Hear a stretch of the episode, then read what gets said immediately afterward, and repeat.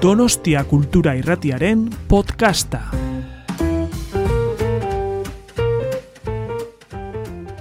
Arrachaldeón, buenas tardes, ¿qué tal estáis?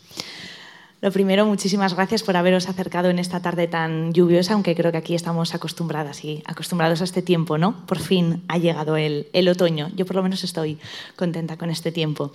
Eta batez ere eh, eskerrik asko literactum ekitaldian egoteagatik, berotasun hori emateagatik, ez? E, literaturaren hainbeste lagun elkarrekin ikustea beti, beti pozgarria da. Hoy además eh, tenemos algo así como una doble invitada, ¿no? Porque ya sabéis que el libro que presentamos se llama La señora March y yo voy a intentar indagar y conocer mucho a la señora March, pero la señora March, por supuesto, no ha venido sola, ha venido con Virginia Feito, que es su escritora, su, su creadora, así que también le voy a dar la bienvenida a ella. Como decimos Gracias. aquí, Onguietorri, Virginia, ¿qué tal Muchas estás? gracias, muy bien, gracias. Qué buen recibimiento. Hola, gracias a todo el mundo por venir. Se me está saliendo el móvil de la... Como os decía, vamos a, vamos a intentar pues, descubrir quién es la, señora March, aunque ya os avanzo que mm, no demasiado porque es un libro que hay que leerlo hasta la última página. Así que vamos a, desvelar poquito, pero sí que espero que, os vayáis con, con ganas de, leerlo y de, y de saber más sobre, sobre esta señora March. Pero antes pues os presento a Virginia. Virginia es madrileña, pero ha vivido en multitud de sitios, París, Londres, Nueva York, San Sebastián no. No, Todavía, todavía no, todavía no, pero todavía algún no. día quizá. Todavía no.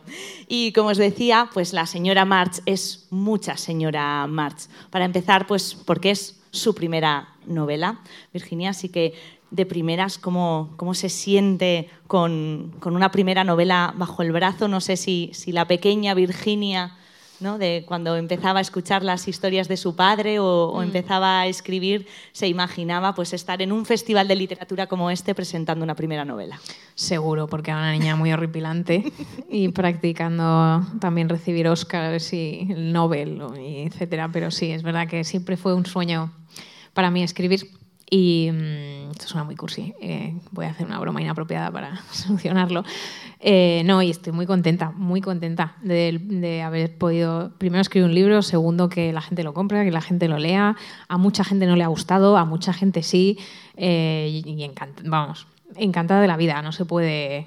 Bueno, digo, no, no me puedo quejar, pero me encanta quejarme de todo, o sea, que siempre, siempre puede uno quejarse. Pero disfrutándolo mucho y ojalá pueda seguir escribiendo muchos y fallecer muy, mucho más adelante para seguir. Escribiendo. Eso es. Claro que sí. Mirad, eh, la, la cita que os vais a encontrar al, al abrir el, el libro es de Dylan Thomas, Dylan Thomas y dice, los chismosos han bajado la voz para que las palabras hagan ciertos los rumores. Lo cierto es que, bueno, de, de chismes también vamos a hablar, pero así, pues como, como primer chisme os cuento que, que Virginia trabajaba en publicidad, pero lo dejó todo para escribir esta, esta novela. Cuéntanos, Virginia, ¿cómo, ¿cómo fue eso? ¿En qué estabas y por qué decidiste aparcarlo para dedicarte a escribir? Eh, bueno, en realidad, si lo piensas, volviendo también a la pregunta anterior, había dejado la escritura para dedicarme a la publicidad, porque primero vino mi amor por los libros e incluso el cine. Me encanta el cine desde siempre, desde que soy pequeña.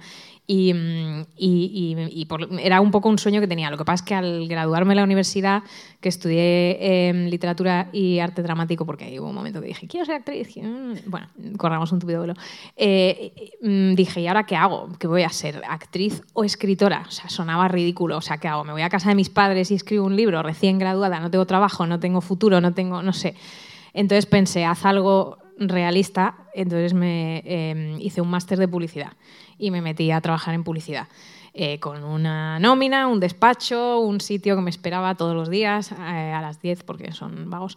eh, y, bueno, y, y trabajé ahí. Entonces llegó un punto en el que ya no colaba, digamos, la, la sensación de esto no es lo que yo quería hacer o por lo menos darme una oportunidad para escribir uno que sea un fracaso absoluto y puedo volver arrastrándome a la publicidad, eh, cada vez era más grande. Entonces eh, dije, mira, eh, llegó un punto en el que tenía suficiente, era- no tenía hijos, no tenía responsabilidades, no te- eh, tenía muchísimo dinero ahorrado, no sé qué, todo se juntó y dije, ¿es ahora o, nunca? Y bueno, luego también ayudó que mi, en aquel momento era mi novio, ahora es mi marido, eh, que era mi jefe, inapropiadamente también, eh, llegó un día en el que me dijo... Ahí está el chisme, ¿eh? True, vamos a pasar. Eh, muy Mad Men todo. Em, esto en Estados Unidos no colaría, pero, pero por suerte en España sí.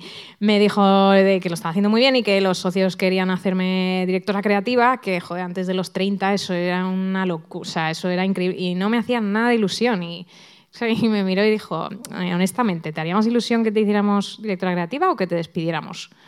Y yo que me despidierais. Lo dije, o sea, ¿podéis? ¿Es una opción? ¿Me podéis despedir? O sea, y me voy a mi ya y, y bueno, y entonces pues pues obviamente no podía seguir en publicidad en ese momento. No era, no era justo para nadie, creo. Así, así, empezó todo. Em, si, si, cogéis esta versión que, que, tengo yo, lo llamo versión porque os vais a dar cuenta de que es una traducción. Eh, este libro, La señora March, no está escrito en, en, castellano, Virginia, así que esa pregunta que ya te han hecho un millón de veces aquí en, en Donosti, en Literactum, también la queremos, la queremos hacer. ¿Por qué escribiste La señora March en inglés? Em, ya, siempre, siempre, siempre desde muy pequeña he escrito en... A ver, es que esto ojalá tuviera una respuesta fácil. En plan, mi madre es americana y acabamos. De hecho, me la voy a empezar a inventar. Eh, la realidad es mucho más aburrida, quizá. Como has dicho antes, he vivido en muchos sitios. Eh, desde pequeña, eh, mi padre era diplomático. Vivimos, por ejemplo, unos cuantos años en París. Entonces diréis, ¿qué bien hablas francés? No, porque fui a un colegio americano, entonces ahí lo que aprendí muchísimo es hablar inglés. O sea, y era, era un colegio internacional, había niños de todos los países, pero tenía el, sistema y la estructura de un colegio americano. Entonces todos nos conectábamos a través del inglés, que era lo único que teníamos en común. Entonces esos cuatro años que para mí fueron clave, eh, creo que de los ocho a los doce o por ahí, eh, escribía y, leía exclusivamente en inglés y se me empezó a dar muy bien y empecé a desarrollarlo mucho más que el castellano que hablaba en casa, pero no, no lo practicaba tanto de esta manera. Eh, y entonces ya cuando ya volví a España, luego otra vez me fui a la universidad en Inglaterra, entonces otra vez estudiaba libros, filología en inglés, todo en inglés, y entonces me estaba formando como escritora y lectora en inglés. De hecho, leo exclusivamente en inglés porque es tan raro, o sea, es poco, es que lo hago tan poco leer en español que para mí es, me distrae demasiado. O sea, y de hecho prefiero hasta leer una traducción al inglés de un libro escrito en español, ya no me enorgullezco, pero es que, es que me choca demasiado y además ahora que siento que es mi trabajo, siento que necesito aprender eh, el inglés más. Y sobre todo ahora que ya llevo viviendo aquí sin irme muchos años y no lo hablo y lo noto. Cuando hablo en inglés con compañeros en ingleses o americanos, pues se nota que lo he perdido un poco. O sea que si me quitan ya la escritura y la lectura ya vamos, me quedo sin nada. La, sorpresa, la, sorpresa aquí para mí es como en, en París eh, los franceses te han dejado no aprender francés.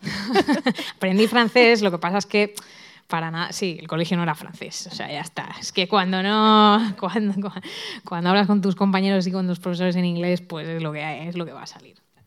Entonces, Virginia, como decíamos, eh, publicas la, la novela al otro lado de, del, charco. Cuéntanos cómo ha sido la, experiencia de, publicar allí, porque ahora bueno, está siendo como, como un segundo estreno, pero ¿cómo, cómo ha sido allí? ¿Cómo, ¿Cómo son las cosas allí? Cuéntanos así cotilleos de, los americanos en el mercado literario americano. Eh, pues un poco triste fue porque fue pandemia, entonces eh, pues mi turno fue tour realmente, hice alguna entrevista online, pero estaba la cosa, todavía estábamos como... Eh, aprendiendo, digamos, cómo se hacía y, bueno, fue un poco triste en ese... Bueno, yo digo que fue por la pandemia, igual es que nunca me iban a, a preparar un tour, no lo sé. Eh, pero lo que he notado a lo mejor es que, es que va todo mucho más lento allí. O sea, allí compran un libro, todo es mucho más grande y mucho más lento. O sea, allí se subastan, por ejemplo, esto no, igual creo, sospecho, bueno, lo sé, sé que en España también, eh, pero es una, es una cosa que con unas cantidades de dinero como si fueran eh, joyas los manuscritos. Y luego también allí hacen, eh, va el cine muy pegado en Estados Unidos. Entonces eh, hay un scout que manda los manuscritos eh, inmediatamente a agencias de representación en Hollywood por si y van rulando manuscritos que les queda un, un, año, un año y medio por publicar para que lo lean directores, guionistas, actores, productores y se lancen a comprar los derechos antes que nadie. Y luego eso, lo que, va muy lento todo. Son eh, mínimo un año, un año y medio antes de publicarlo. Necesitas ese año y medio para que se preparen toda la campaña y no sé qué he notado que en España las cosas van más rápido. Y también las ediciones, es una edición y otra edición y otra y otra y otra, revisión, revisión, revisión. Son muy, eh, bueno, para bien y para mal eh, Lo que pasa es que yo soy muy impaciente y eso me frustra, ¿no? Y en España entonces todo fue muy rápido y también me encantó. Eh, pero el recibimiento en España diría que ha sido eh, mayor, mucho mayor, sí, sí. Em, voy a decir que es por la pandemia, pero es mentira, probablemente. Seguro que no. Oye, ¿y cómo, cómo es también he, leído que, que Oprah Winfrey eh, lo, recomendaba entre sus 10 libros a leer? o ¿Cómo es eso? Ojo, a ver, ¿Cómo, es, ese titular que suena clickbait? Cuidado, cuidado. Sí, em, lo recomendó, sí, entre los 10 libros a leer, la revista de Oprah Daily. No Oprah en sí, sentada en una silla, hablando a cámara, que, que estaría mejor, ¿no? Seamos honestos. Pero su, su revista, sí, sí, su revista. Y estuvo. Me, me llegaron rumores de que estaba ahí eh, eh, contemplándose para el book club, pero eso ya es, es eso ya es nivel Obama. O sea que no, eso no pasó. Pero puede pasar. Nos quedamos, nos quedamos Podría con pasar eso, que, puede ser ojalá, todavía. Pero todavía puede no, ser. yo, yo creo que vamos cuesta abajo, ¿eh? No, mujer. ya verás que Donosti siempre, siempre es, un, es, un, impulso, ya lo verás. Vamos eh, entonces a hablar de, esa edición eh, aquí, como decía, a descubrir un poco a, la, señora March. Em, cuéntame, ¿qué fue primero, la señora March o la historia de, la señora March? ¿Cómo, ¿Cómo surge? La señora. La señora fue lo primero. Cuando estaba en publicidad, eh, mi despachito y no trabajando, para variar, pobre gente, la verdad es que no se lo merecían. Em, y llegaba la Navidad y yo eh, me encanta la Navidad, me encanta la Navidad muchísimo. Eh, entonces me, preparo exhaustivamente como meses antes. ¿Habéis puesto el árbol? Yo sí. y escuchaba, todos los años escucho el Cascanueces de Tchaikovsky. Joder, soy muy prepotente. Pero em, entonces con la abertura eh, se me ocurrió la imagen de una mujer con un abrigo de pieles andando por la calle, porque era como la música, es la música como semi, como que promete, como optimista, pero hay subyacente ahí como un mal rollo raro, como una angustia, como demasiado feliz o demasiado angustioso, que era como la visualizaba ella. Y pensé, qué ganas de torturar a esta mujer sea quien sea. Y ahí escribí los primeros párrafos, que es nada, es una mujer andando por la calle con un abrigo de pieles, eh, que están prácticamente sin tocar desde el primer día ahí que los escribí. Eso fue creo en 2010, finales del 17. Eh, y luego ya, bastante más adelante, eh, viendo Las Horas, película con Meryl Streep, basada en el libro de Michael Cunningham, hay una escena en la que Meryl Streep entra en una floristería y la mujer de la floristería le dice Em, algo del libro de su amigo, que es Ed Harris en la película. ¿Ha basado este personaje en usted? Es usted, ¿no? Y pensé, ostras, eso qué interesante que alguien base un personaje en ti. Y digo, y eso es lo que le podría hacer a esta mujer y torturarla de esa manera. O sea, que primero vino la señora y las ganas de hacerle daño y luego la manera. Vamos, vamos a contar cómo, cómo, le has hecho daño a lo largo del libro, porque la verdad que, la señora March eh, sufre bastante. La señora March, así en, un primer vistazo, es, es, una mujer que vive muy pendiente del qué dirán o, del qué pensarán, ¿no? Muy de, opiniones de esos ajenas. chismes, de, mm. de, las opiniones. Pero mm, es verdad que haciendo el enlace con la película que, que comentabas, ¿no? Eh, yo recordaba a. Es verdad que es otra situación bastante más trágica, pero decía Joan Didion que la vida cambia en un instante. Y para la señora March también la vida cambia en un instante, que es cuando entra a la pastelería. Y si os parece, os voy a leer unas líneas porque esto no es nada de spoiler, ¿vale? Está en la página 15 y como os he dicho, tenéis que llegar hasta el final para, para descubrir a la señora March. Y dice así, estoy leyendo el libro de su marido, porque el marido de la señora March ha escrito un libro, ¿vale? Eh, esto es lo que le dice Patricia. Me lo compré hace dos días y casi lo he terminado. No puedo parar, me encanta, es buenísimo. La señora March se acercó un poco más y se apoyó en el expositor de cristal lleno de magdalenas de todo tipo y tartas de queso, esforzándose para oírla a pesar del bullicio. Oh, ay, Me alegro de saberlo. Seguro que George también se alegra de saberlo. George es el marido de la señora March. Anoche se lo estuve contando a mi hermana. Conozco a la mujer del autor, le dije. Qué orgullosa debe de estar. Ah, bueno, sí, aunque como ya ha escrito muchos libros, porque no es el primero. Pero es la primera vez que se inspira en usted para crear a un personaje, ¿no? Y aquí este es el instante en el que la vida de la señora March cambia, cuando... Mm se da cuenta o le informan de que su marido se ha inspirado en ella para un personaje. Mm. Y aquí es donde empiezas a torturarla, Virginia, porque ¿qué le haces a la pobre señora March? Bueno, hasta aquí todo bien, quizá. A ella le encantaría que basara un personaje en ella, pues una mujer, pues eso, que, que, es muy, bueno, que solo le importa lo que piensen de ella a los demás. Lo que pasa es que el personaje en cuestión eh, pues es súper pesadilla. Es una prostituta poco atractiva, creo que mencionan que es gorda, fea, patética, que ni sus propios clientes quieren, la pagan para no acostarse con ella, o sea, una humillación. Entonces, para esta mujer que, cuya vida se basa exclusivamente en las apariencias, empieza una espiral de paranoia y autodestrucción en la que cree que todo el mundo lo sabe, todo el mundo se está riendo de ella a sus espaldas, esto era un complot, una humillación terrible por parte de su marido y empieza, bueno, empieza a volverse bueno, a volverse loca, pero luego igual descubrimos que ya nos venía rotita de antes, quizá, y que esto Ya, lo traía de la gotita que colmó el vaso, a lo mejor. Efectivamente dice, pero es una mujer horrible, es fea y estúpida, es todo lo que yo nunca querría ser. Y aquí es también donde está la clave, ¿no? En, lo que es la señora March o no es, porque a ella igual en, lo que entra no es tanto igual en volverse loca, pero sí por lo menos en una espiral de paranoia. Mm porque en una obsesión, ¿no? Porque lo que sí es la señora March para definirla, además de vivir pendiente de la opinión del resto, es que la paranoia y la obsesión están todo el tiempo en su cabeza, ¿no, Virginia? Sí, muy obsesiva, muy angustiosa. Yo soy una persona muy obsesiva también, o sea, que sabía, quería vengarme, quizá, eh, y que todo el mundo lo viviera, lo experimentara. De hecho, hay, un momento que se pregunta, ¿eran escenas que había sacado de películas y de libros? Porque ya, se cuestiona hasta, hasta, la propia realidad, ¿no? Empieza la señora March, además, de, con esa paranoia de, cómo es que su marido se ha inspirado en ella, eh, para crear un personaje tan horrible, pero también entra ¿no? una parte de misterio y es que mm. empieza a sospechar de que su marido haya hecho algo horrible. Sí, algo todavía peor, que es, eh, bueno, un día, eh, o sea, ya está en un, en un eh, digamos, ámbito emocional un poco mm, precario y cuando empieza a empieza a haber pistas por todos lados de que su marido es una terrible persona que quiere humillarla. Entonces, cuando ven las noticias que, que han encontrado el cadáver de una joven en, un, eh, en Maine, en un sitio donde casualmente su marido, la casualidad de que a veces ha ido alguna vez a una cabaña que tiene su editor eh, a veranear o a cazar o lo que sea, pues ahí empieza, claro, una paranoia peor. A ver si no solo va a ser un poco capullo, a ver si va a ser un asesino violador. Y además, ¿cómo no lo va a ser?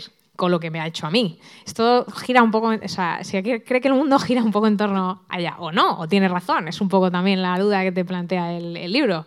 Pero sí, la, cosa es que cuando... Es interesante lo que has dicho antes de cuando, alguien basa un personaje en alguien que no sabe cómo es ella. O sea, porque lleva décadas imitando a las personas de su alrededor, imitando sus gustos, proyectando sus hobbies, sus intereses, sus pensamientos, que ella ya no tiene ninguno propio, ella ha asumido inmediatamente que ella es todas esas cosas de esta mujer, pero en realidad la, supongo que la, pregunta, como has dicho al principio, de la charla es quién es, quién es la señora March. Eh, cómo es y quién es y qué le pasa y por qué. Eso es, y, en ese indagar y, hacernos eh, preguntas, lo cierto es que, que, lo cotidiano de la señora March se convierte en algo terrorífico, porque todo eso que hace ella normalmente, como por ejemplo ir a la pastelería o ir a hacer la compra, eh, organizar fiestas y, todo ese glamour de alrededor, se acaba volviendo en su contra, ¿no? Como cuando dicen los abogados, todo lo que usted pueda decir se ha utilizado en su contra. Pues para la señora March todo como que se le viene encima, ¿no, Virginia? Sí, es verdad, todo, todo puede tener un, peligro de repente tu, el día a día, la rutina, pero eso es algo que a mí me pasa mucho también siendo eh, obsesiva compulsiva, que veo el terror en lo más cotidiano y en las rutinas diarias. Ya solo meterte en un taxi puede ser una aventura que, recuerdas como lo peor que te ha pasado en la vida. Y eso también lo, lo saqué mucho de la literatura de Shirley Jackson, que tiene unas historias cortas maravillosas llenas de de cosas que no, no pasa realmente nada excepto algo, pues que de repente te mires al espejo y, pienses, ¿esa era mi cara? ¿O esa era yo?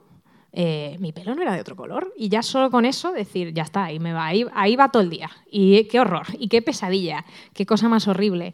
Eh, o, que vuelva tu marido del trabajo y digas, este no es mi marido.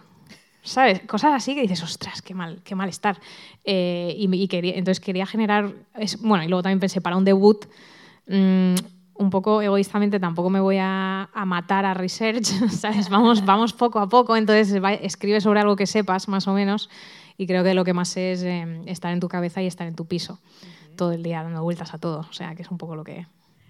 Qué bien también el, ubicarnos, porque eh, es muy, para mí por lo menos ha sido divertido, porque a lo mejor comparto ese, ese también gusto por la, por la obsesión, pero no saber en, qué época estamos, porque no sabemos el año en el que vive la señora March, em, pero sí dónde sucede, ¿no? porque es el, el Upper Entonces es bastante hipnótico ¿no? esa mezcla del glamour de, esa sociedad, de, ese lugar con, con, toda esa paranoia y todo ese terror social que, que está viviendo. ¿Cómo, cómo decidiste eh, conjugarlo y, por qué eliges el, el Upper East Side y no colocarnos en una época. Ya, que bueno, eh, el Upper East Side es que yo creo que Nueva York es una ciudad en la que todos casi hemos vivido, aunque sea en el imaginario colectivo, todos tenemos una visión de Nueva York por películas y libros que conocemos casi a la perfección y luego cuando yo vivía allí eh, obviamente no era lo mismo, ¿vale? Sobre todo eh, con un salario que no es el que tienen los protagonistas de las películas de Woody Allen o de la serie de Sexo en Nueva York, pero, pero era básicamente pasear por esas calles, lo hemos sentido todos y lo, lo, entendemos todos. Entonces, quería algo que te creara una falsa, una sensación de falsa seguridad y luego también un, un mundo que que, es como medio falso, porque no, lo, no es o sea, sentimos que lo conocemos, pero no lo conocemos en realidad. También tiene un toque como de cuento de hadas, no sé, como érase una vez en Nueva York, no sé. Y luego el tiempo, me gustaba mucho usarlo como herramienta para molestar al lector, irritarlo un poco eh, y, bajar esa sensación de seguridad poco a poco que te da el Nueva York que también conoces, pero no sabes cuándo está pasando. Y cada vez voy dando pistas que parece que se contradicen entre sí y que van avanzando cronológicamente, de hecho, en el tiempo. De repente aparece en los años 50 cuando empieza y es una mujer que lleva guantes y lleva sombrero, parece un personaje de una película de Hitchcock, pero luego de repente hay un cubo Rubik, de repente hay un Rolodex, de repente hay un eh, teléfono, no, hay móviles, pero luego hay, eh, se menciona Dior o Armani, entonces hay, hay como, bueno, una mezcla ahí de cosas básicamente para crear malestar y he notado que genera mucho malestar en los lectores, que se, muchos se enfadan mucho porque creen o que es una novela histórica muy pobre y muy mal, eh, ¿sabes? claro, eh, que no he hecho ningún tipo de research en absoluto, en el Google Rubik no existía en los años 50. Eh, o se creen que, o les molesta mucho porque no saben categorizarla. Y si es una novela histórica, debería quedar claro, y a lo cual yo no puedo evitar preguntar por qué. ¿Por qué necesitamos saber si una novela está basada en una época o no? Eh, me parece muy interesante. Muchísimo. Y, qué, pena, porque creo que entonces te tienes que atener a ciertas reglas no sé, yo quería jugar, digo, mira, yo he dejado el trabajo y yo, yo, yo quiero pasármelo bien, ¿sabes? No quiero Tú como si fuera el hormiguero, ¿no? Has venido a divertirte y con todo. Pablo, invítame. todo llegará también, como, como Yo creo que, bueno, es verdad que, puede, puede irritarte, ¿no? Pero, pero es divertido ir mm, cazando esas pistas, ¿no? Y, hacerte tu, propia composición, ¿no? ¿no? Temporal. por lo menos os invito a que lo leáis de, de ese modo, ¿no? Sí, también a ver, también que, esta es una mujer que vive en su propia burbuja. Entonces yo sí que me, yo me imagino una época quizá más temporal de lo que parece, pero con una mujer que, vive en su propia burbuja de los años 50, básicamente, aspirando a ser como todas las mujeres amas de casa aparentemente perfectas. Aunque lo, lo, cierto es que sí que tiene, mm, no sé si es por, por ese ese, el, no ubicarla temporalmente, pero sí que le captas como un poquito de, nostalgia, ¿no? Yo mm. sí que, sí que la leo, ¿no? Como, como esas novelas eh, de antes, incluso en algún momento, y ya que has mencionado a Hitchcock, es que casi se lee como una película de Hitchcock, ¿no? Ahí, hay un lenguaje muy Sí. de esas novelas clásicas, pero también cinematográfico a la vez. Sí, estaba Genial. bebiendo mucho también de, de estos libros, de, de- de, por ejemplo, La semilla del diablo, que también es de esta época, y Patricia Highsmith, Shirley Jackson. todo, eh, mm, hay una, eh, una escritora maravillosa que se llama Caroline Blackwood, británica, y estaba copiando sobre todo la manera de, mm, por ejemplo, los diálogos muy secos eh, que tenían en aquella época, y, pero luego eh, muy sencillo las descripciones que parecía que estaban haciéndolas para la televisión. Y, se- y no sé qué te estaba contando, pero eh, eh, sí, cogí en- inspiración de, de, de esa, porque sí, porque sentía nostalgia, porque era un poco un libro que me apetecía volver a leer de cero, eh, un libro de esa época. O sea, supongo que es que intenté escribir un libro que a mí me hubiese apetecía leer, básicamente. Soy una egoísta de mierda. pero- has hecho muy bien. y eh, también, eh, a pesar de, de que confiesas que lo que querías era irritarnos y, y jugar con, con los lectores, yo sí creo que, que está genial el... No, no es un, un monólogo en primera persona, pero sí que no sé si es por, por las descripciones o, o por qué, pero te sientes no solo en la cabeza de la señora March, sino también en los ojos, porque lo vemos todo como, como ella lo está viendo o no viendo, Mm. ¿no? Entonces, Eso e- también esa- es obsesivo por mi parte, yo creo. Eso es yo siendo marimandona y diciendo exactamente lo que tienes que imaginar. Y el tamaño y el color, porque si no es como, no es así como yo era la típica niña de, no, no es así como lo veo, tiene que ser así. Eh, pero, bueno, no, lo siento, pero... pero sí, me gusta, sí, ya que te lo vas a imaginar, imagínatelo así. Dentro. Pero, y luego el otro sí, quería que fuera muy em, claustrofóbico, creo que es eh, la palabra. Para, bueno, al final, que te, que te cree una sensación, que te genere una sensación, ¿no? Y a mí es que los libros que más me han gustado son los que me han creado sensaciones negativas, realmente. Me parecen más eh, fuertes que las positivas. Entonces, cuando un libro me genera ansiedad o, o, bueno, mm, lo que sea, miedo, eh, angustia, pues me, me acuerdo más. Lo disfrutas más. Sí. Y, y en este también eh, confesar eh, lo mucho que te has divertido haciendo sufrir a, a la señora March y, y- y confundiéndola, ¿no? De, de qué es lo que está pasando, si es ella la que está en el espejo, si, si su marido es quien cree que es o no, y, otras eh, tantas cosas. Es que eh, a ti la señora March te cae mal, ¿no? Sí, me cae bastante Quieres, mal. y quieres que nos caiga mal. A mí me cae mal, no os cae mal. Yo, yo quería, sí, yo quería. Por un lado le metí eh, cualidades mías que odio, pero muy exageradas, caricaturescas. Eh, darle vueltas a las cosas y a veces un poquito egoísta o lo que sea. eh, y entonces, por otro lado, también pensaba que si lo hacía muy exagerado, yo me iba a sentir mejor, como que no soy tan mala como ella, y no le me di sentido del humor ni le di ninguna cualidad buena, básicamente. Entonces, y luego también, pues por castigarme a mí misma por ser a veces esas cosas y castigar a todas las personas que, que conozco que tienen esas cualidades. Y, sí, es que me, sí, me cayó terriblemente mal. Es que le di todas las cualidades que odio en un ser humano y no le di ninguna buena. A pobre, mi pobre. Luego intenté explorar un poco el por qué había llegado a hacerse como es, ¿no? Indagamos un poco su pasado, su infancia. Y ahí, pues al lector un poco más compasivo puede eh, darle un poco más de pena o, o simpatizar un poco con ella. Yo lo intenté, pero es que no. A mí no me cae bien. A mí me cae muy mal. La verdad.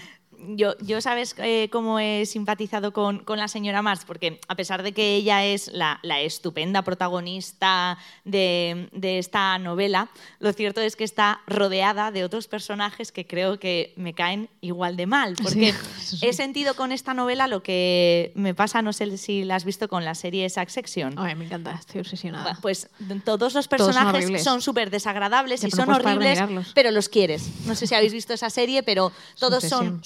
Súper desagradables y quieres que les pasen cosas malas y lo estás disfrutando. Sí, pero también.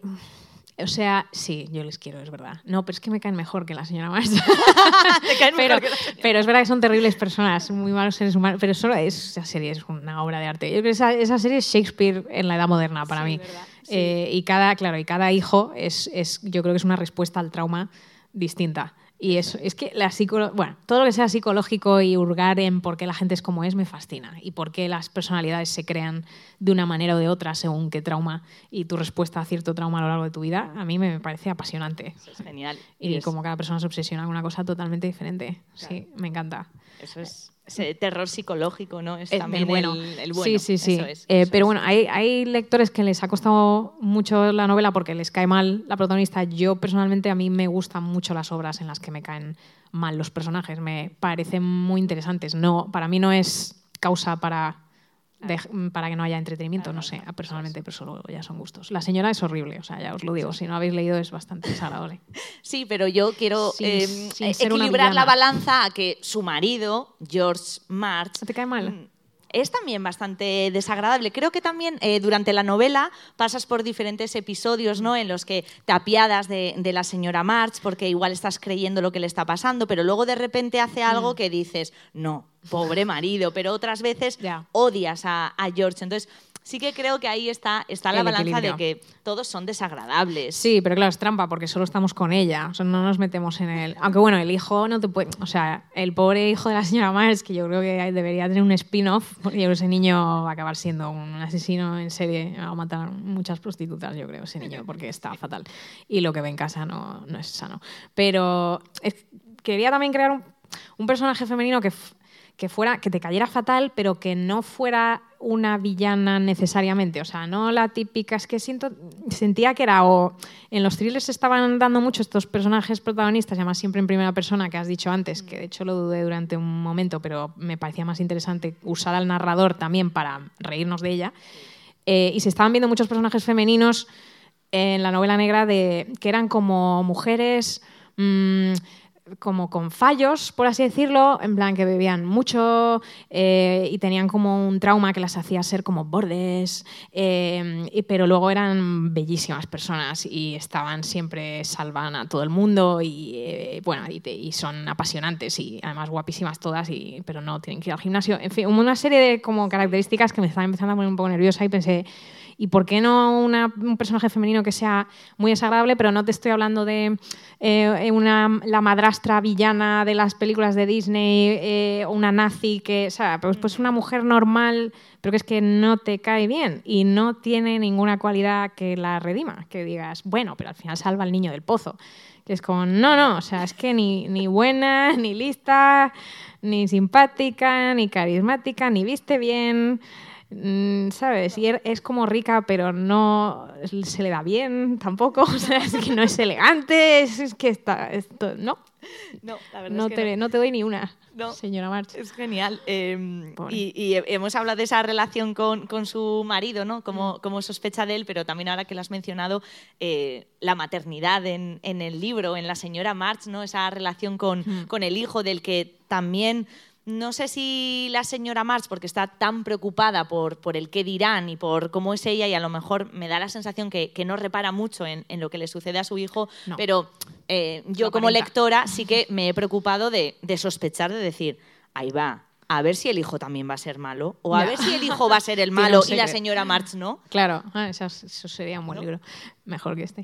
Pero, eh, claro, es que no nos metemos en nadie en realidad y todo lo que vemos lo vemos un poco por, a través de sus ojos. Entonces, cuando te cae mal otro personaje es a, a través de ella, porque la, también hay una vecina que es Doña Perfecta, aparentemente, pues muy mona y no sé, pero según ella, según la señora March, luego a lo mejor, es, yo qué sé, es una pobre muchacha eh, y, y no, no, no sabemos. Y George también, bueno, eh, también dudé si meter, pero eso era otra cosa que hacía mucho la novela negra, meterse en todos los personajes. Y es que a mí me parecía mucho más apasionante crear un estudio de un personaje y meterme a saco en el personaje y que el misterio aquí sea más bien qué le pasa a esta mujer y no tanto no tenga tanta importancia eh, quizá el asesinato y el cadáver y quién ha sido porque en la vida real es, bueno, es que es así no es que tan- al final lo que importan son las personas no sé en mi opinión. Puesto Pero eh, fíjate, estaba, estaba pensando en que yo sí que creo que, que al final de todo eh, acabamos comprendiendo a la, a la señora March, aunque nos quedemos con esa idea de, de qué personaje más, más desagradable que, que ha sido, pero, pero no la vas a olvidar y, y también eh, lo que te digo, la acabas entendiendo porque tiene sus momentos, ¿no? Que dice, por ejemplo, se merecía tomarse más en serio a sí misma, valorarse más, porque yo sí creo que en eso me, ha- me apiado un poco Mm. con, con ella, ¿no? Lo que decíamos al principio con esa cita, ¿no? De, de los chismes, de, Sí. de cómo hablan a sus espaldas, de esa preocupación que tiene por, por esa imagen y ese glamour del, del Upper East Side del que hablábamos antes. Es vulnerable, es vulnerable, ¿no? Sí. Y hace cosas que, que todos hemos, yo creo, todas creo, hemos hecho sobre cómo ir a la peluquería y que no te guste nada lo que te han hecho en el pelo, pero no lo digas y vuelvas a casa y te laves el pelo. Cosas así, que sí, que lo hacemos todos. Lo que pasa es que, bueno, a mí me parece, al final la, comprendo más, pero no, no la justifica a lo mejor, o no justifica las cosas, otras cosas feas que hace. Ya no te digo que sea mejor persona ni nada, pero simplemente lo que me molestaba mucho de ella es que no eh, hace autocrítica en ningún momento. O sea, en ningún momento se lo pregunta. En ningún momento, ese, justo ese momento que has leído, que en el contexto mayor, claro, se merecía tomarse más en serio a sí misma. Ella iba a cambiar ahora, porque, jolín, ella también se merecía la felicidad. Pero claro, en el contexto, a lo mejor debería estarse planteando, oye, ¿será que a lo mejor la que ha hecho algo mal soy yo? A lo mejor podría hacer algo mejor. Y solo, no te digo que lo haga, pero plantéatelo, mujer. Es que todo siempre es culpa de los demás. Bueno, amiga, es que le tengo mucha manía. Pero, y todo el simbolismo de los espejos a lo largo del libro, que es ella todo el rato negándose a mirarse al espejo, que era, eh, representa un poco esto que te estoy diciendo, es que no quiere verse, no quiere verse. Y yo lo único que, que intentaba hacer todo el rato es, mírate, mírate, mírate, mira lo que estás haciendo. No te digo que cambies, simplemente que te preguntes una vez en la vida, ¿esto qué estoy haciendo? ¿Qué estoy haciendo? Eh, y es todo el rato se niega a mirar su reflejo o llena el baño de vaho para no ver su reflejo o ve a otra mujer en el espejo que no es ella, es todo el rato negándose totalmente a mirarse. Y yo le di muchas oportunidades y no quiso. Sí, es cierto. Y todas esas oportunidades son las que te llevan a lo largo de, de las páginas a, a tú también empujar a, a la señora March a decir, venga, que esta vez lo va a hacer. Porque yo creo que al final lo que sí es es, es como una mujer muy, muy real, a pesar de, de estar envuelta en, en una novela de, de ficción. Em, Virginia, ya que eh, en, el, en el libro, por, también por, por curiosidad y, chisme, como decíamos al principio, eh, la señora March cuenta que bueno, ya su marido ha escrito tantos libros pues que ya no los lee, ¿no? que antes sí que los leía, incluso ella era la, primera que, que los leía, una vez que no ha leído y fijaos lo que, lo que le ha pasado, en qué en qué menudo lío se ha metido. En tu caso, ¿quién ha sido la primera persona que, que ha leído o que ha conocido a, a la señora March? ¿Con quién lo has compartido? Pues leer el manuscrito terminado no se lo puede dar a mi marido porque no sabe inglés. Entonces, eso, pues ahí estamos. Y entonces se lo pasé a mi madre y a mi profesor de inglés del colegio, en el King's College en Madrid, el Mr. McNally, que era eh, cuando volví de París y, y es que empecé a escribir como más en serio, o sea, como 20 páginas, eh, era el, el profesor que me, que me apoyaba siempre, siempre, y le encantaba, y se lo leía todo y me lo devolvía como con, con notas. Entonces le di el primer manuscrito y me lo devolvió también como con notas, eh, como si fuera un proyecto escolar. Fue muy bonito, la verdad. Sí, sí, Mr. McNally siempre está en los agradecimientos porque se ha tragado todas las versiones de, de todo, todo lo que he escrito. También entonces aquí tenemos la oportunidad de acercarnos a tu marido y decirle que a lo mejor te has inspirado en él para uno de los personajes. No, pobre. No, mi marido siempre digo que sería un personaje muy aburrido porque es como el típico héroe, ¿sabes? Que nadie quiere en realidad ya ver Bueno. más, ¿sabes? Han, Han Es otra Solo y. Sawyer y, y Diana Jones, sí, es un coñazo. Prefiero Claro. gente mucho más... Malvada. Sí. Bueno, a mi madre le gusta mucho el pan con aceitunas. Yo ahí lo dejo. Ahí lo dejas. Mam- Mamá, Bueno.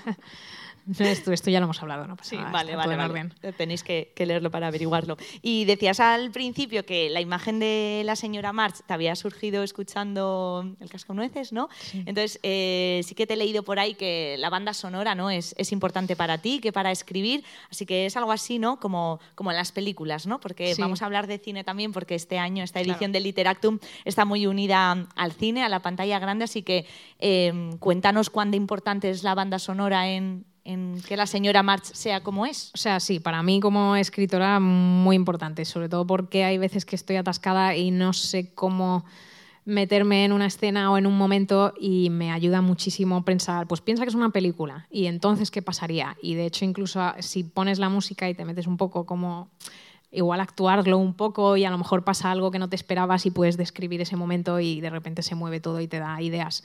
Eh, así que sí, Compunsen tengo una, una banda sonora de bastantes, bueno, de, de bandas sonoras de películas de Hitchcock, obviamente, y, y va- y varias así de Eta James y jazz, y que yo siempre he asociado con Nueva York, eh, y de películas de Woody Allen probablemente. eh, y me ayuda, a mí me ayuda mucho y también a establecer la personalidad o el tono de, la novela. Eh, sí, es que para mí es muy difícil separar la literatura del cine.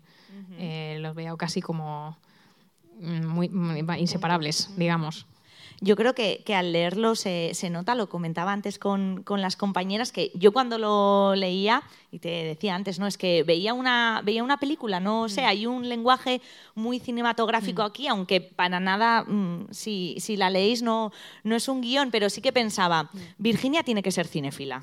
lo eres, ¿no? Lo soy mucho, sí, sí, eh, lo soy mucho. Y, y sí, efectivamente es muy es un poco raro él, porque es, no es un libro que parezca fácil de adaptar, porque es todo el rato los pensamientos de una mujer, eh, y, eh, muy interiorizado, y, flashbacks a su infancia y cosas así, pero, pero está descrito de una manera, pues es lo que he dicho antes, yo creo que muy marimandona, y que entonces es como, tiene que haber, el mueble tiene que estar a la izquierda, aquí, ¿sabes? ya veo a Kubrick poniendo la cinta en el suelo, tiene que andar hasta aquí, luego abrir la puerta y luego oímos no sé qué. Sí, sí, sí. Y, también desde mis años en publicidad, yo creo que ayudan a escribir de una manera visual. Eh, y pensar qué, herramientas o qué recursos puedes usar para contar la misma historia o la misma escena, pero de una manera un poquito más original, a lo mejor, o distinta. O... Y ahora que lo dices, el arte dramático igual también te, ¿Te ha dado algo? Sí, también, sin duda, el teatro y todo el. Sí, sí, sí. Sí, teníamos clases que, por ejemplo, una clase era em, andar como un caballo. Pasaban, los que estudiaban Derecho pasaban y miraban por la ventana y nos insultaban. Normal, luego nos tiraban basura mientras andábamos como animales y nos tumbábamos en el suelo. Pero luego esas cosas se te quedan y cuando describes cómo anda una persona eh, ¿Te acuerdas de, ¿sabes? de Timothy en, Queen Mary University haciendo, haciendo de caballo? Venga, pues vamos a hablar un poquito de, cine, Virginia. Es, inevitable hacerlo contigo. Em, nos decía que, que, esta señora March no es un guion, pero Esperemos que, Esperemos Que, pronto sea, sea un guion, así que también todo por, por el chisme y el cotilleo. Tienes que contarnos cómo es estar en un Zoom con la mismísima Elizabeth Moss. Mm, ¿Cómo es eso? Muy estresante y, y muy... O sea, yo en silencio sonriéndole y chillándome a mí misma como, no le digas, no le cites el cuento de la criada, no le cites Mad Men, no le digas que tú eres la verdadera Peggy Olsen, no le digas, o sea, eh, muy surrealista. Yo pensé, era la pandemia, además, plena pandemia, ya era todo muy surrealista y encima yo pensé que iba a aparecer y iba a ser otra Elizabeth Moss, ¿sabes? Que se escribía como con Z en vez de con S y que iba a ser como una pobre desgraciada como que nadie conoce. Yo pensé que era la otra, y, pero no, era ella, lo cual era bastante Uf, horrible, sí. Muy, me da vergüenza recordarlo. Porque ya está como, no, tú. horrible. Pero ella, ella perfecta, ella muy agradable. Y. Joder, es Elizabeth Moss. Es que es muy fuerte, efectivamente. Me hice caca. Claro, por, por poneros en, en, contexto, por si no, no lo habéis eh, escuchado, em, la novela de, de, Virginia no nos ha llegado aquí solo eh, avalada por, por esas buenas críticas en en América, sino que también ya, ya ha venido con, con los derechos comprados por, por Elizabeth Moss y, la productora que, que, tiene Elizabeth Moss es, es la actriz del cuento de, de, La criada, por ejemplo, que es lo más eh, reciente que tiene. Entonces, eh, no sé cómo es ese momento, Virginia, suena el teléfono y te dicen, mira, Elizabeth Moss está interesada, es ella misma tal vez, es un email, es un email que no te terminas de creer. era un email, era un email, en, era en plena pandemia, eh, diría mayo, mayo del 2020, eh, quedaba, acaban de comprar los derechos para el libro en Estados Unidos, en Nueva York, o sea, se iba a publicar al año siguiente. Y, estábamos haciendo un Zoom entre amigos, eh, o sea, mi marido y yo en casa, y, como no podíamos vernos, pues con varios amigos en distintas ciudades, eh, todos pues eso, un poco tristes y un poco acojonados con la situación y, bebiendo muchísimo, muchísimo, cada uno en su lado. Y de repente llega un email, bloop, eh, porque claro, de noche por el cambio horario, pues en Estados Unidos sería por la tarde, de mi agente literario. Em, diciendo, adivina, es que mi agente literaria además que habéis visto de todo, pues como que todo se la pela. Entonces él me era como, ay, adivina quién está súper interesada en protagonizar y producir eh, Mrs. March, Elizabeth Moss. ¿Te interesaría tener un Zoom con ella? Y ¿Así? yo, así. Bueno, risa, chillidos, rompiendo copas, una amiga chillando, llorando, en plan, ¿quién es Elizabeth Moss? Porque nadie se lo quería explicar. Eh, bu- bueno, y tenemos vídeos todavía de esa noche, de la pantalla, ¿sabes? De esa noche, todos como bailando. Y sí estaba excesivamente interesada en tener una charla con Elizabeth Moss, obviamente. Fue como sí, o sea, absolutamente. Elizabeth Moss está ociosa en su casa en pandemia, leyendo manuscrito tras manuscrito, compró como 28, creo, ese, mes.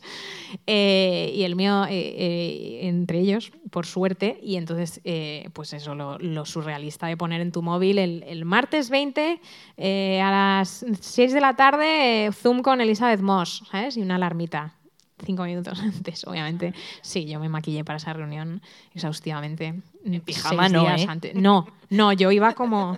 Pero ella sí, iba como... Sí, como una persona normal. Está en su casa, está como en el suelo de su salón, súper cool, como con un, como con un chándal.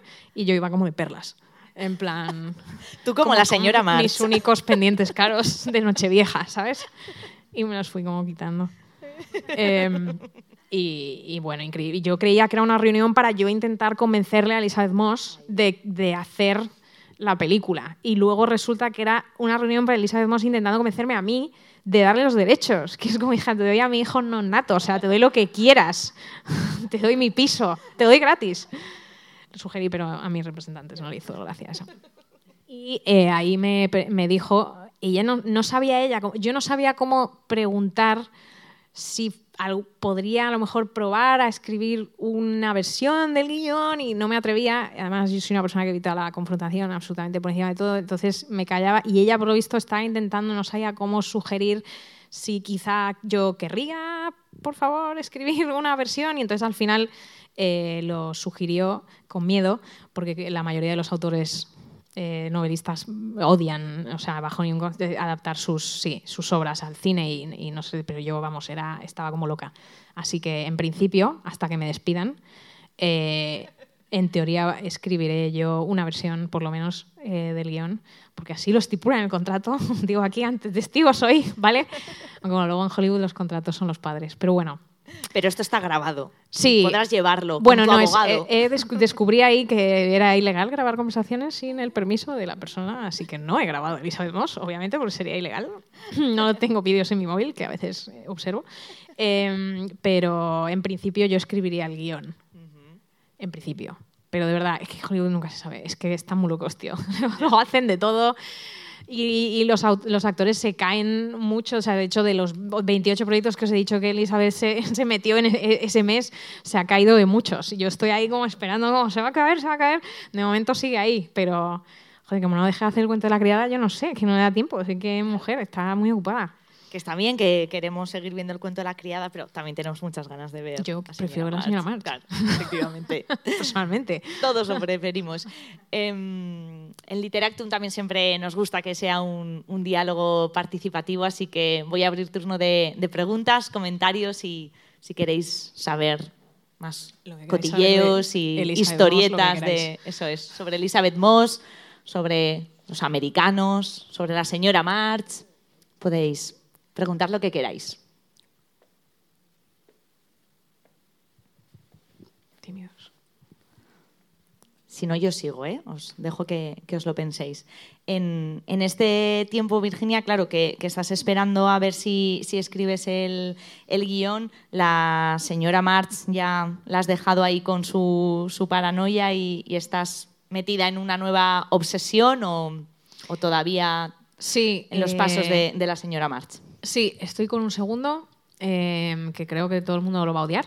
Y de- sí, es como mi segundo hijo. Lo llamo el, el bebé deforme, lo llamo. Es como el segundo hijo problemático, ¿sabes? Como porque no puedes ser más como tu hermana. Creo que va a salir mal, pero ah, yo le quiero igual. Y, pero está muy, muy, muy bebito todavía. O sea, em, ediciones muy, muy... Sí, te digo, como los americanos se explayan con las ediciones, pues me queda todavía bastante sospecho.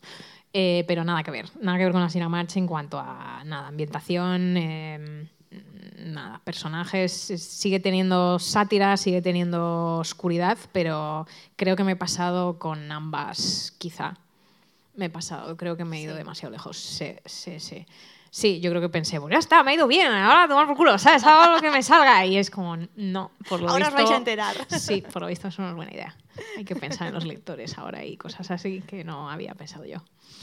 Así Bueno, estar, mientras escribes, estar pensando para quién es, bueno, supongo que siempre se piensa, ¿no? Que, que va a haber alguien al otro malo. lado. Yo pensé que era malo hacer eso porque entonces te cohibías. Es lo típico de no pienses en tu madre, ¿sabes? Si estás escribiendo, yo qué sé, una escena peliaguda, pero por lo visto en realidad tienes que pensar un poco en los lectores porque sí que hay algo como uno que existe que es el narrador cruel que te puede gustar o no, pero es, es problemático porque si no, claro, es pues que esto es un, que es un simple, es que no puedo con esto, o sea, no me está explicando nada, esto es como, no sé, no, no pillo tu onda. Entonces, ugh, lo, lo vais a odiar, lo vais a odiar, este lo vais a odiar. Pero bueno, Seguro Eh. que pensaste lo mismo de la señora March, así que menos, menos, menos, pero ahora que he visto lo que le gusta a la gente, pues escribir a- otra cosa distinta, pues claro, piensas que no. Pero bueno, y, y nada, y- y también con algún proyecto eh, cinematográfico, aparte de la señora March, que estoy intentando ahí desarrollar, a ver qué tal. Em, en el cine también te gustan así las películas tipo oscuritas. Sí, sí, sí. Con toques de humor, pero... O alternativamente de humor con toques oscuros. Ahora que has dicho eso, eh, vuelvo a lanzar la invitación por si queréis hacer una pregunta, pero que no se me olvide. Ahí hay una pregunta. Pero me la, me la guardo para A ver, después. eh, yo he llegado un poquito tarde, perdón, pero bueno, eh, tengo que decir, yo la- el libro me lo leí en inglés y no es mi lengua materna, entonces, y de hecho lo leí porque me enteré que Elizabeth Moss había comprado los, de- los derechos y dije, tiene que ser muy bueno, porque para mí Elizabeth Moss es lo más. Y entonces, eh, mis preguntas son dos. Para mí hay un personaje que igual se ha mencionado antes, que me resultaba, a mí mi- la, la señora March no me resultaba enervante, sino me daba como penita un poco. La que me enervaba más era la criada. Esa Ah, me daba sí, un ¿eh? repelús Ah, sí. total. Sí. Sí. Y Ah, no sé mira. al resto. Y bueno, eso es- si quieres Veo comentar mucha algo gente sobre eso. Y luego las cucarachas a las que tengo fobia. Yo también. Eh, no sé si nos puedes Terapia. contar algo Sí, sobre eh, eso. pu- mm, pues qué curioso lo de la criada Marza. Yo no sé, sí, yo no sabía que disgustaba. A ver, esta mujer se intuye que está viendo cosas en esta casa que no que no están bien. Eh, eh, y eh, bueno, y es una mujer, yo creo que muy responsable, que hace muy bien su trabajo. Lo que pasa es que la señora March le tiene pavor y, la, le coge manía. Pero mm, yo diría, joder, qué gusto tener a esta mujer en, en casa, ¿no? Es como muy. ¿No? Hace muy bien su trabajo, ¿no? No sé. No, la odiáis. Mira tú, ¿eh? Qué interesante. ¿Es un poco pesada o qué? O como. Es que, es que cada personaje tiene su Cada uno es cosita ahí que dices, ¿no? Em, de vecina no.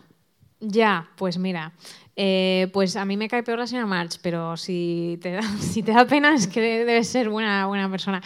Y bueno, la pobre señora Marta intentando hacer su trabajo. Lo que pasa es que en esa casa, a saber lo que. ¿Sabes? A saber lo que eh, ve.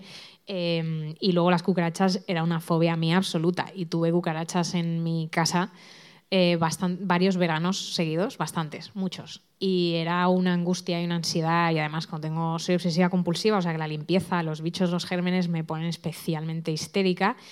Y era, era, es que era, era ridículo, o sea, era como que parecía que, que, me, que, no sé, que Dios me los tiraba como, ¿sabes? En plan, y ahora en la cama, una, y luego, y ahora en la ducha, en el pelo, o sea, era de coña.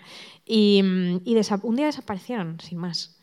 Y yo era la única, como que las. No era la única, los veía, pero como aquí yo empezaba a escribir y tal, y me quedaba en casa sola, y mi marido se iba a trabajar, y, o yo iba al baño por las noches y, él no, y ahí siempre estaban, siempre estaban de madrugada en el baño haciéndoselas como, "Ah", como no, estoy muerta. Y entonces parecía que eso las veía yo. Y luego llegaban los exterminadores y ponían bolitas que siguen a día de hoy, siete años después, en, en los rincones de mi casa. Eh, de veneno y entonces aparecían muertas y pero decían pero no hay y son me decían además son de distintas razas entonces es como que deben entrar por algún agujero no sé, y me sentía tan sucia, tan asquerosa. Cuando lo hablaba con amigas, muchas mm, muy majas, pero algunas sin darse cuenta decían cosas del tipo, en plan, joder, tía, pero limpia, o, ¿sabes? Pues a mí eso nunca me ha pasado. Eh, Cosas que me hacían sentir súper mal, como una cerda. Y, y ahí eso lo metí mucho a modo terapéutico en, en la novela. Em, pero además me encanta que casi todo el mundo asume que son imaginarias, pero las que yo vi estaban. Seguro. creo que, creo que sí, creo que sí, porque mandé alguna foto al portero, en plan, ¡me cago la puta! Y el portero, ¿cómo vais a ningún otro vecino? ¿Le No le pasa a nadie. Sí, sí, hablaba con la casera y la casera, qué raro, Virginia, pues en 26 años nosotros nunca tuvimos ni una. A lo mejor alguna en la calle, pero en el piso. Y yo decía, joder, soy, una mierda de persona, tío. No sé, porque a mí. Sí. Más preguntas o recomendaciones. Comentarios. sobre la limpieza y las cucarachas. Yo, sí, Arancha, sí, venga. Espera que te llegue el micrófono así. Queda registrado para el podcast. Bueno, a mí me pasa como a la lectora, eh, la señora March, eh, no, ya te lo he dicho, a mí me da pena. Y, me- y a lo largo del libro me parece que está un poco como justificado eh, que sea tan, tan espantosa. Así, Y ¿eh? tú no, tú no lo ves así, ya me ha llamado la Ex- atención. Explicado, quizá, pero no sé si justificado. O sea, si bueno, pero entendemos. como está explicado, pues parece, a- bueno, a mí no me parece que el entorno Mm. es tan estúpido. Ella, ella es terrible, Mm. pero y el marido y las fiestas que se organizan y, el, ¿Cómo y cuan- como todo es como mm, tan ficticio. Ya. eh, como mm, falso, eh, esa sociedad ¿no? americana eh, con eh, la Sí, sí, fiesta, el- el el, aparentar. George, George, el marido, la verdad. Entonces, no sé, tiendo a decirte que, Bueno, me gusta que haya los que no le han leído, no han leído el libro, bueno, y que lo que creo que es que juegas con nosotros. Un poco. Jue- En, el- en todo el libro juegas mucho con los lectores y que lo que está muy bien llevada es la intriga. Mm. Eh, hasta el último momento, hasta el último momento no nos vamos a enterar mm, de algo muy importante. Entonces creo que lo que eres es muy hábil eh, para hacer eh, esta- este thriller. Manipuladora Porque- es la sí. palabra. Bueno, em, entonces es, es lo que quiero decir. Creo que ellos tienen que, para mí es una- un buen thriller. Creo que por eso igual no sé cómo lo llevan al cine y si tú haces el guion puede resultar una película muy, muy entretenida. Mm. Y bueno, eso es lo que quiero decir, a pesar de que la señora March es terrible, bueno, con los malos, a veces queremos a los malos. Y tú Sí, si has querido veces. hacer una mala, Sí. mala, mala, pues, pues yo un poco eso, justificarle el que, el que sea así. En defensa de la en señora defensa y en la habilidad en que nos manipulas. Porque empiezas sí. el libro, el libro es muy en, el- la primera, en el momento en que le pasa eso, entonces ella describe muy bien y, y te vas enganchando. Es un libro que se lee muy rápido. eh, Mm. Pero es lento, yo diría, ¿no? El ritmo es. Ay, eh, no es para, un mí, thriller para mí en medio, rápido. eh, puede ser que en medio eh, se te haga un poquito más así y luego repunta otra vez eh, Mm. hacia el final, eh, que está muy bien. Entonces creo que No, es, acelera. bueno, mm, decirte que me, que, que me ha gustado y bueno, bueno, lo que hemos comentado. Gracias. eh. Y que hay club de fans de la señora más. Sí, sí, a ver, eso está bien. Sí, sí, a ver, que tampoco es una. O sea, lo que decía, que no es una villana, no es una. La madrastra de Disney No. mala, cruel, que aún así están haciendo ahora películas justificando a las a todas, ¿no? A Maléfica, Cruella, ahora son todas maravillosas y guapísimas todas. Em, no, es simplemente una persona para mí. no sé, este no. Uf, no sé, que si la conocieras te caería bien, ¿tú crees? te daría pena. Ya, bueno, eso puede ser, pero eso no es caer bien, ¿sabes? Claro. pero sí, pero bueno, es, lo, lo genial es que tenga grises. Ojalá haya mucha, mucho debate al respecto y que cada uno tenga una perspectiva distinta. Eh, pero sí, yo entiendo, eh, entiendo que lo ha pasado mal, entiendo que ha tenido una infancia difícil, una madre muy fría y que no, nunca ha sabido pedir ayuda y nunca ha podido, etcétera. Eh, pero por otro lado tiene un marido, tiene un hijo, tiene una hermana que aparentemente la quieren, tiene recursos y podría espabilar un poco, ya llegados a este punto, no sé. Bueno, eso ya según cada uno lo compasivo que sea. Eh, yo no diría que la justifica, pero sí diría que la que te explica por qué ha llegado hasta ahí. Un poco como la película Joker, a lo mejor, que no te está diciendo todos los, o sea, todas las personas que sufren van a acabar pegando tiros a la gente en la cabeza, pero entiendes, ah, vale, esta persona estaba, se iba rompiendo y esto es lo que necesitaba y no se le pudo dar en ese momento o no lo recibió por cualquier razón y ahora pues ha llegado hasta aquí, de manera fría, clínica a lo mejor. Pero yo siento que la gente que le cae bien la señora March es buena gente. Claro que sí.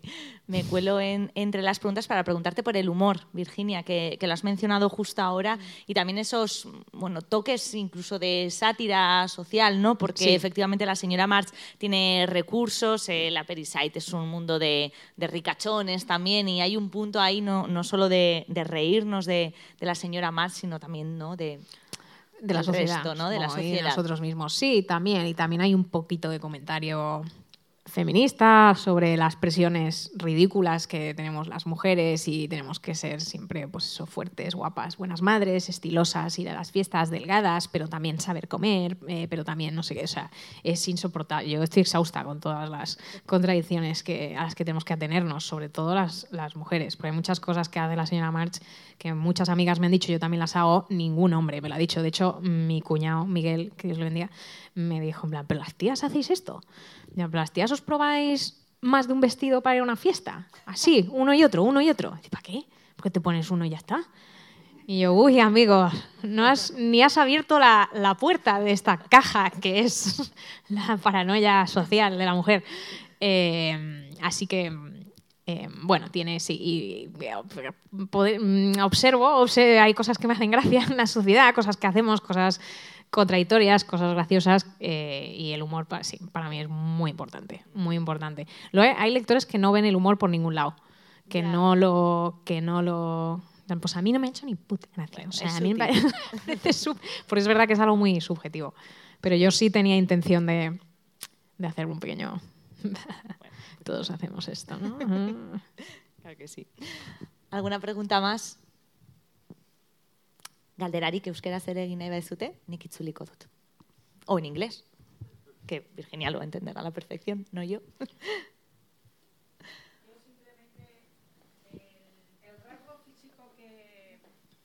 Cuando hablas de las manos, que las odia continuamente, que siempre las tiene con guantes, ¿es por alguna razón concreta? Yo tengo complejo un poco de manos. eh, hoy, justo hoy me he arrancado un pellejo y es como en cisne negro cuando se lo arranca y se le abre como toda la muñeca y sangra.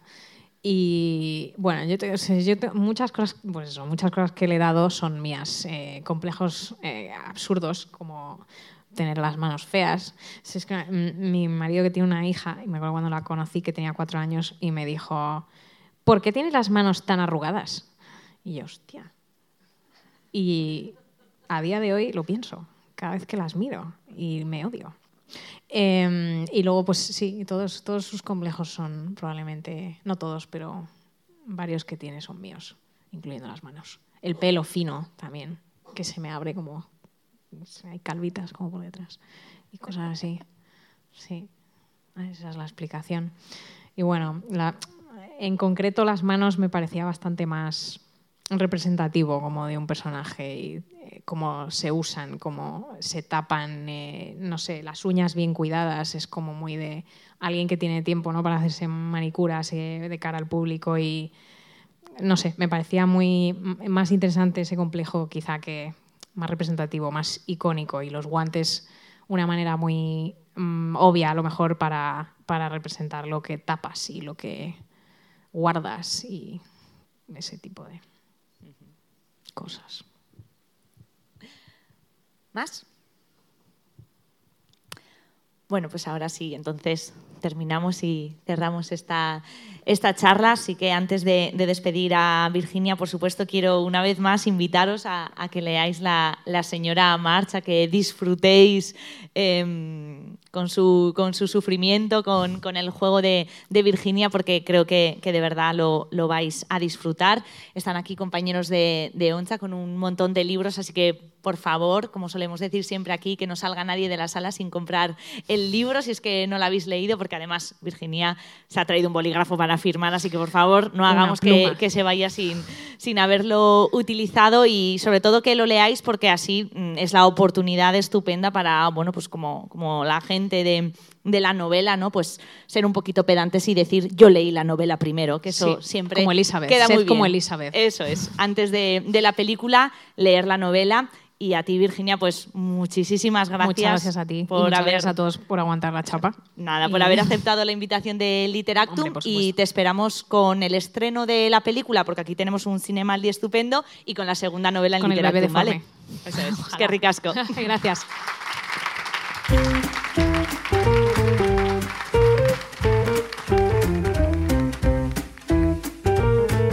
Donostia Kultura Irratiaren podcasta.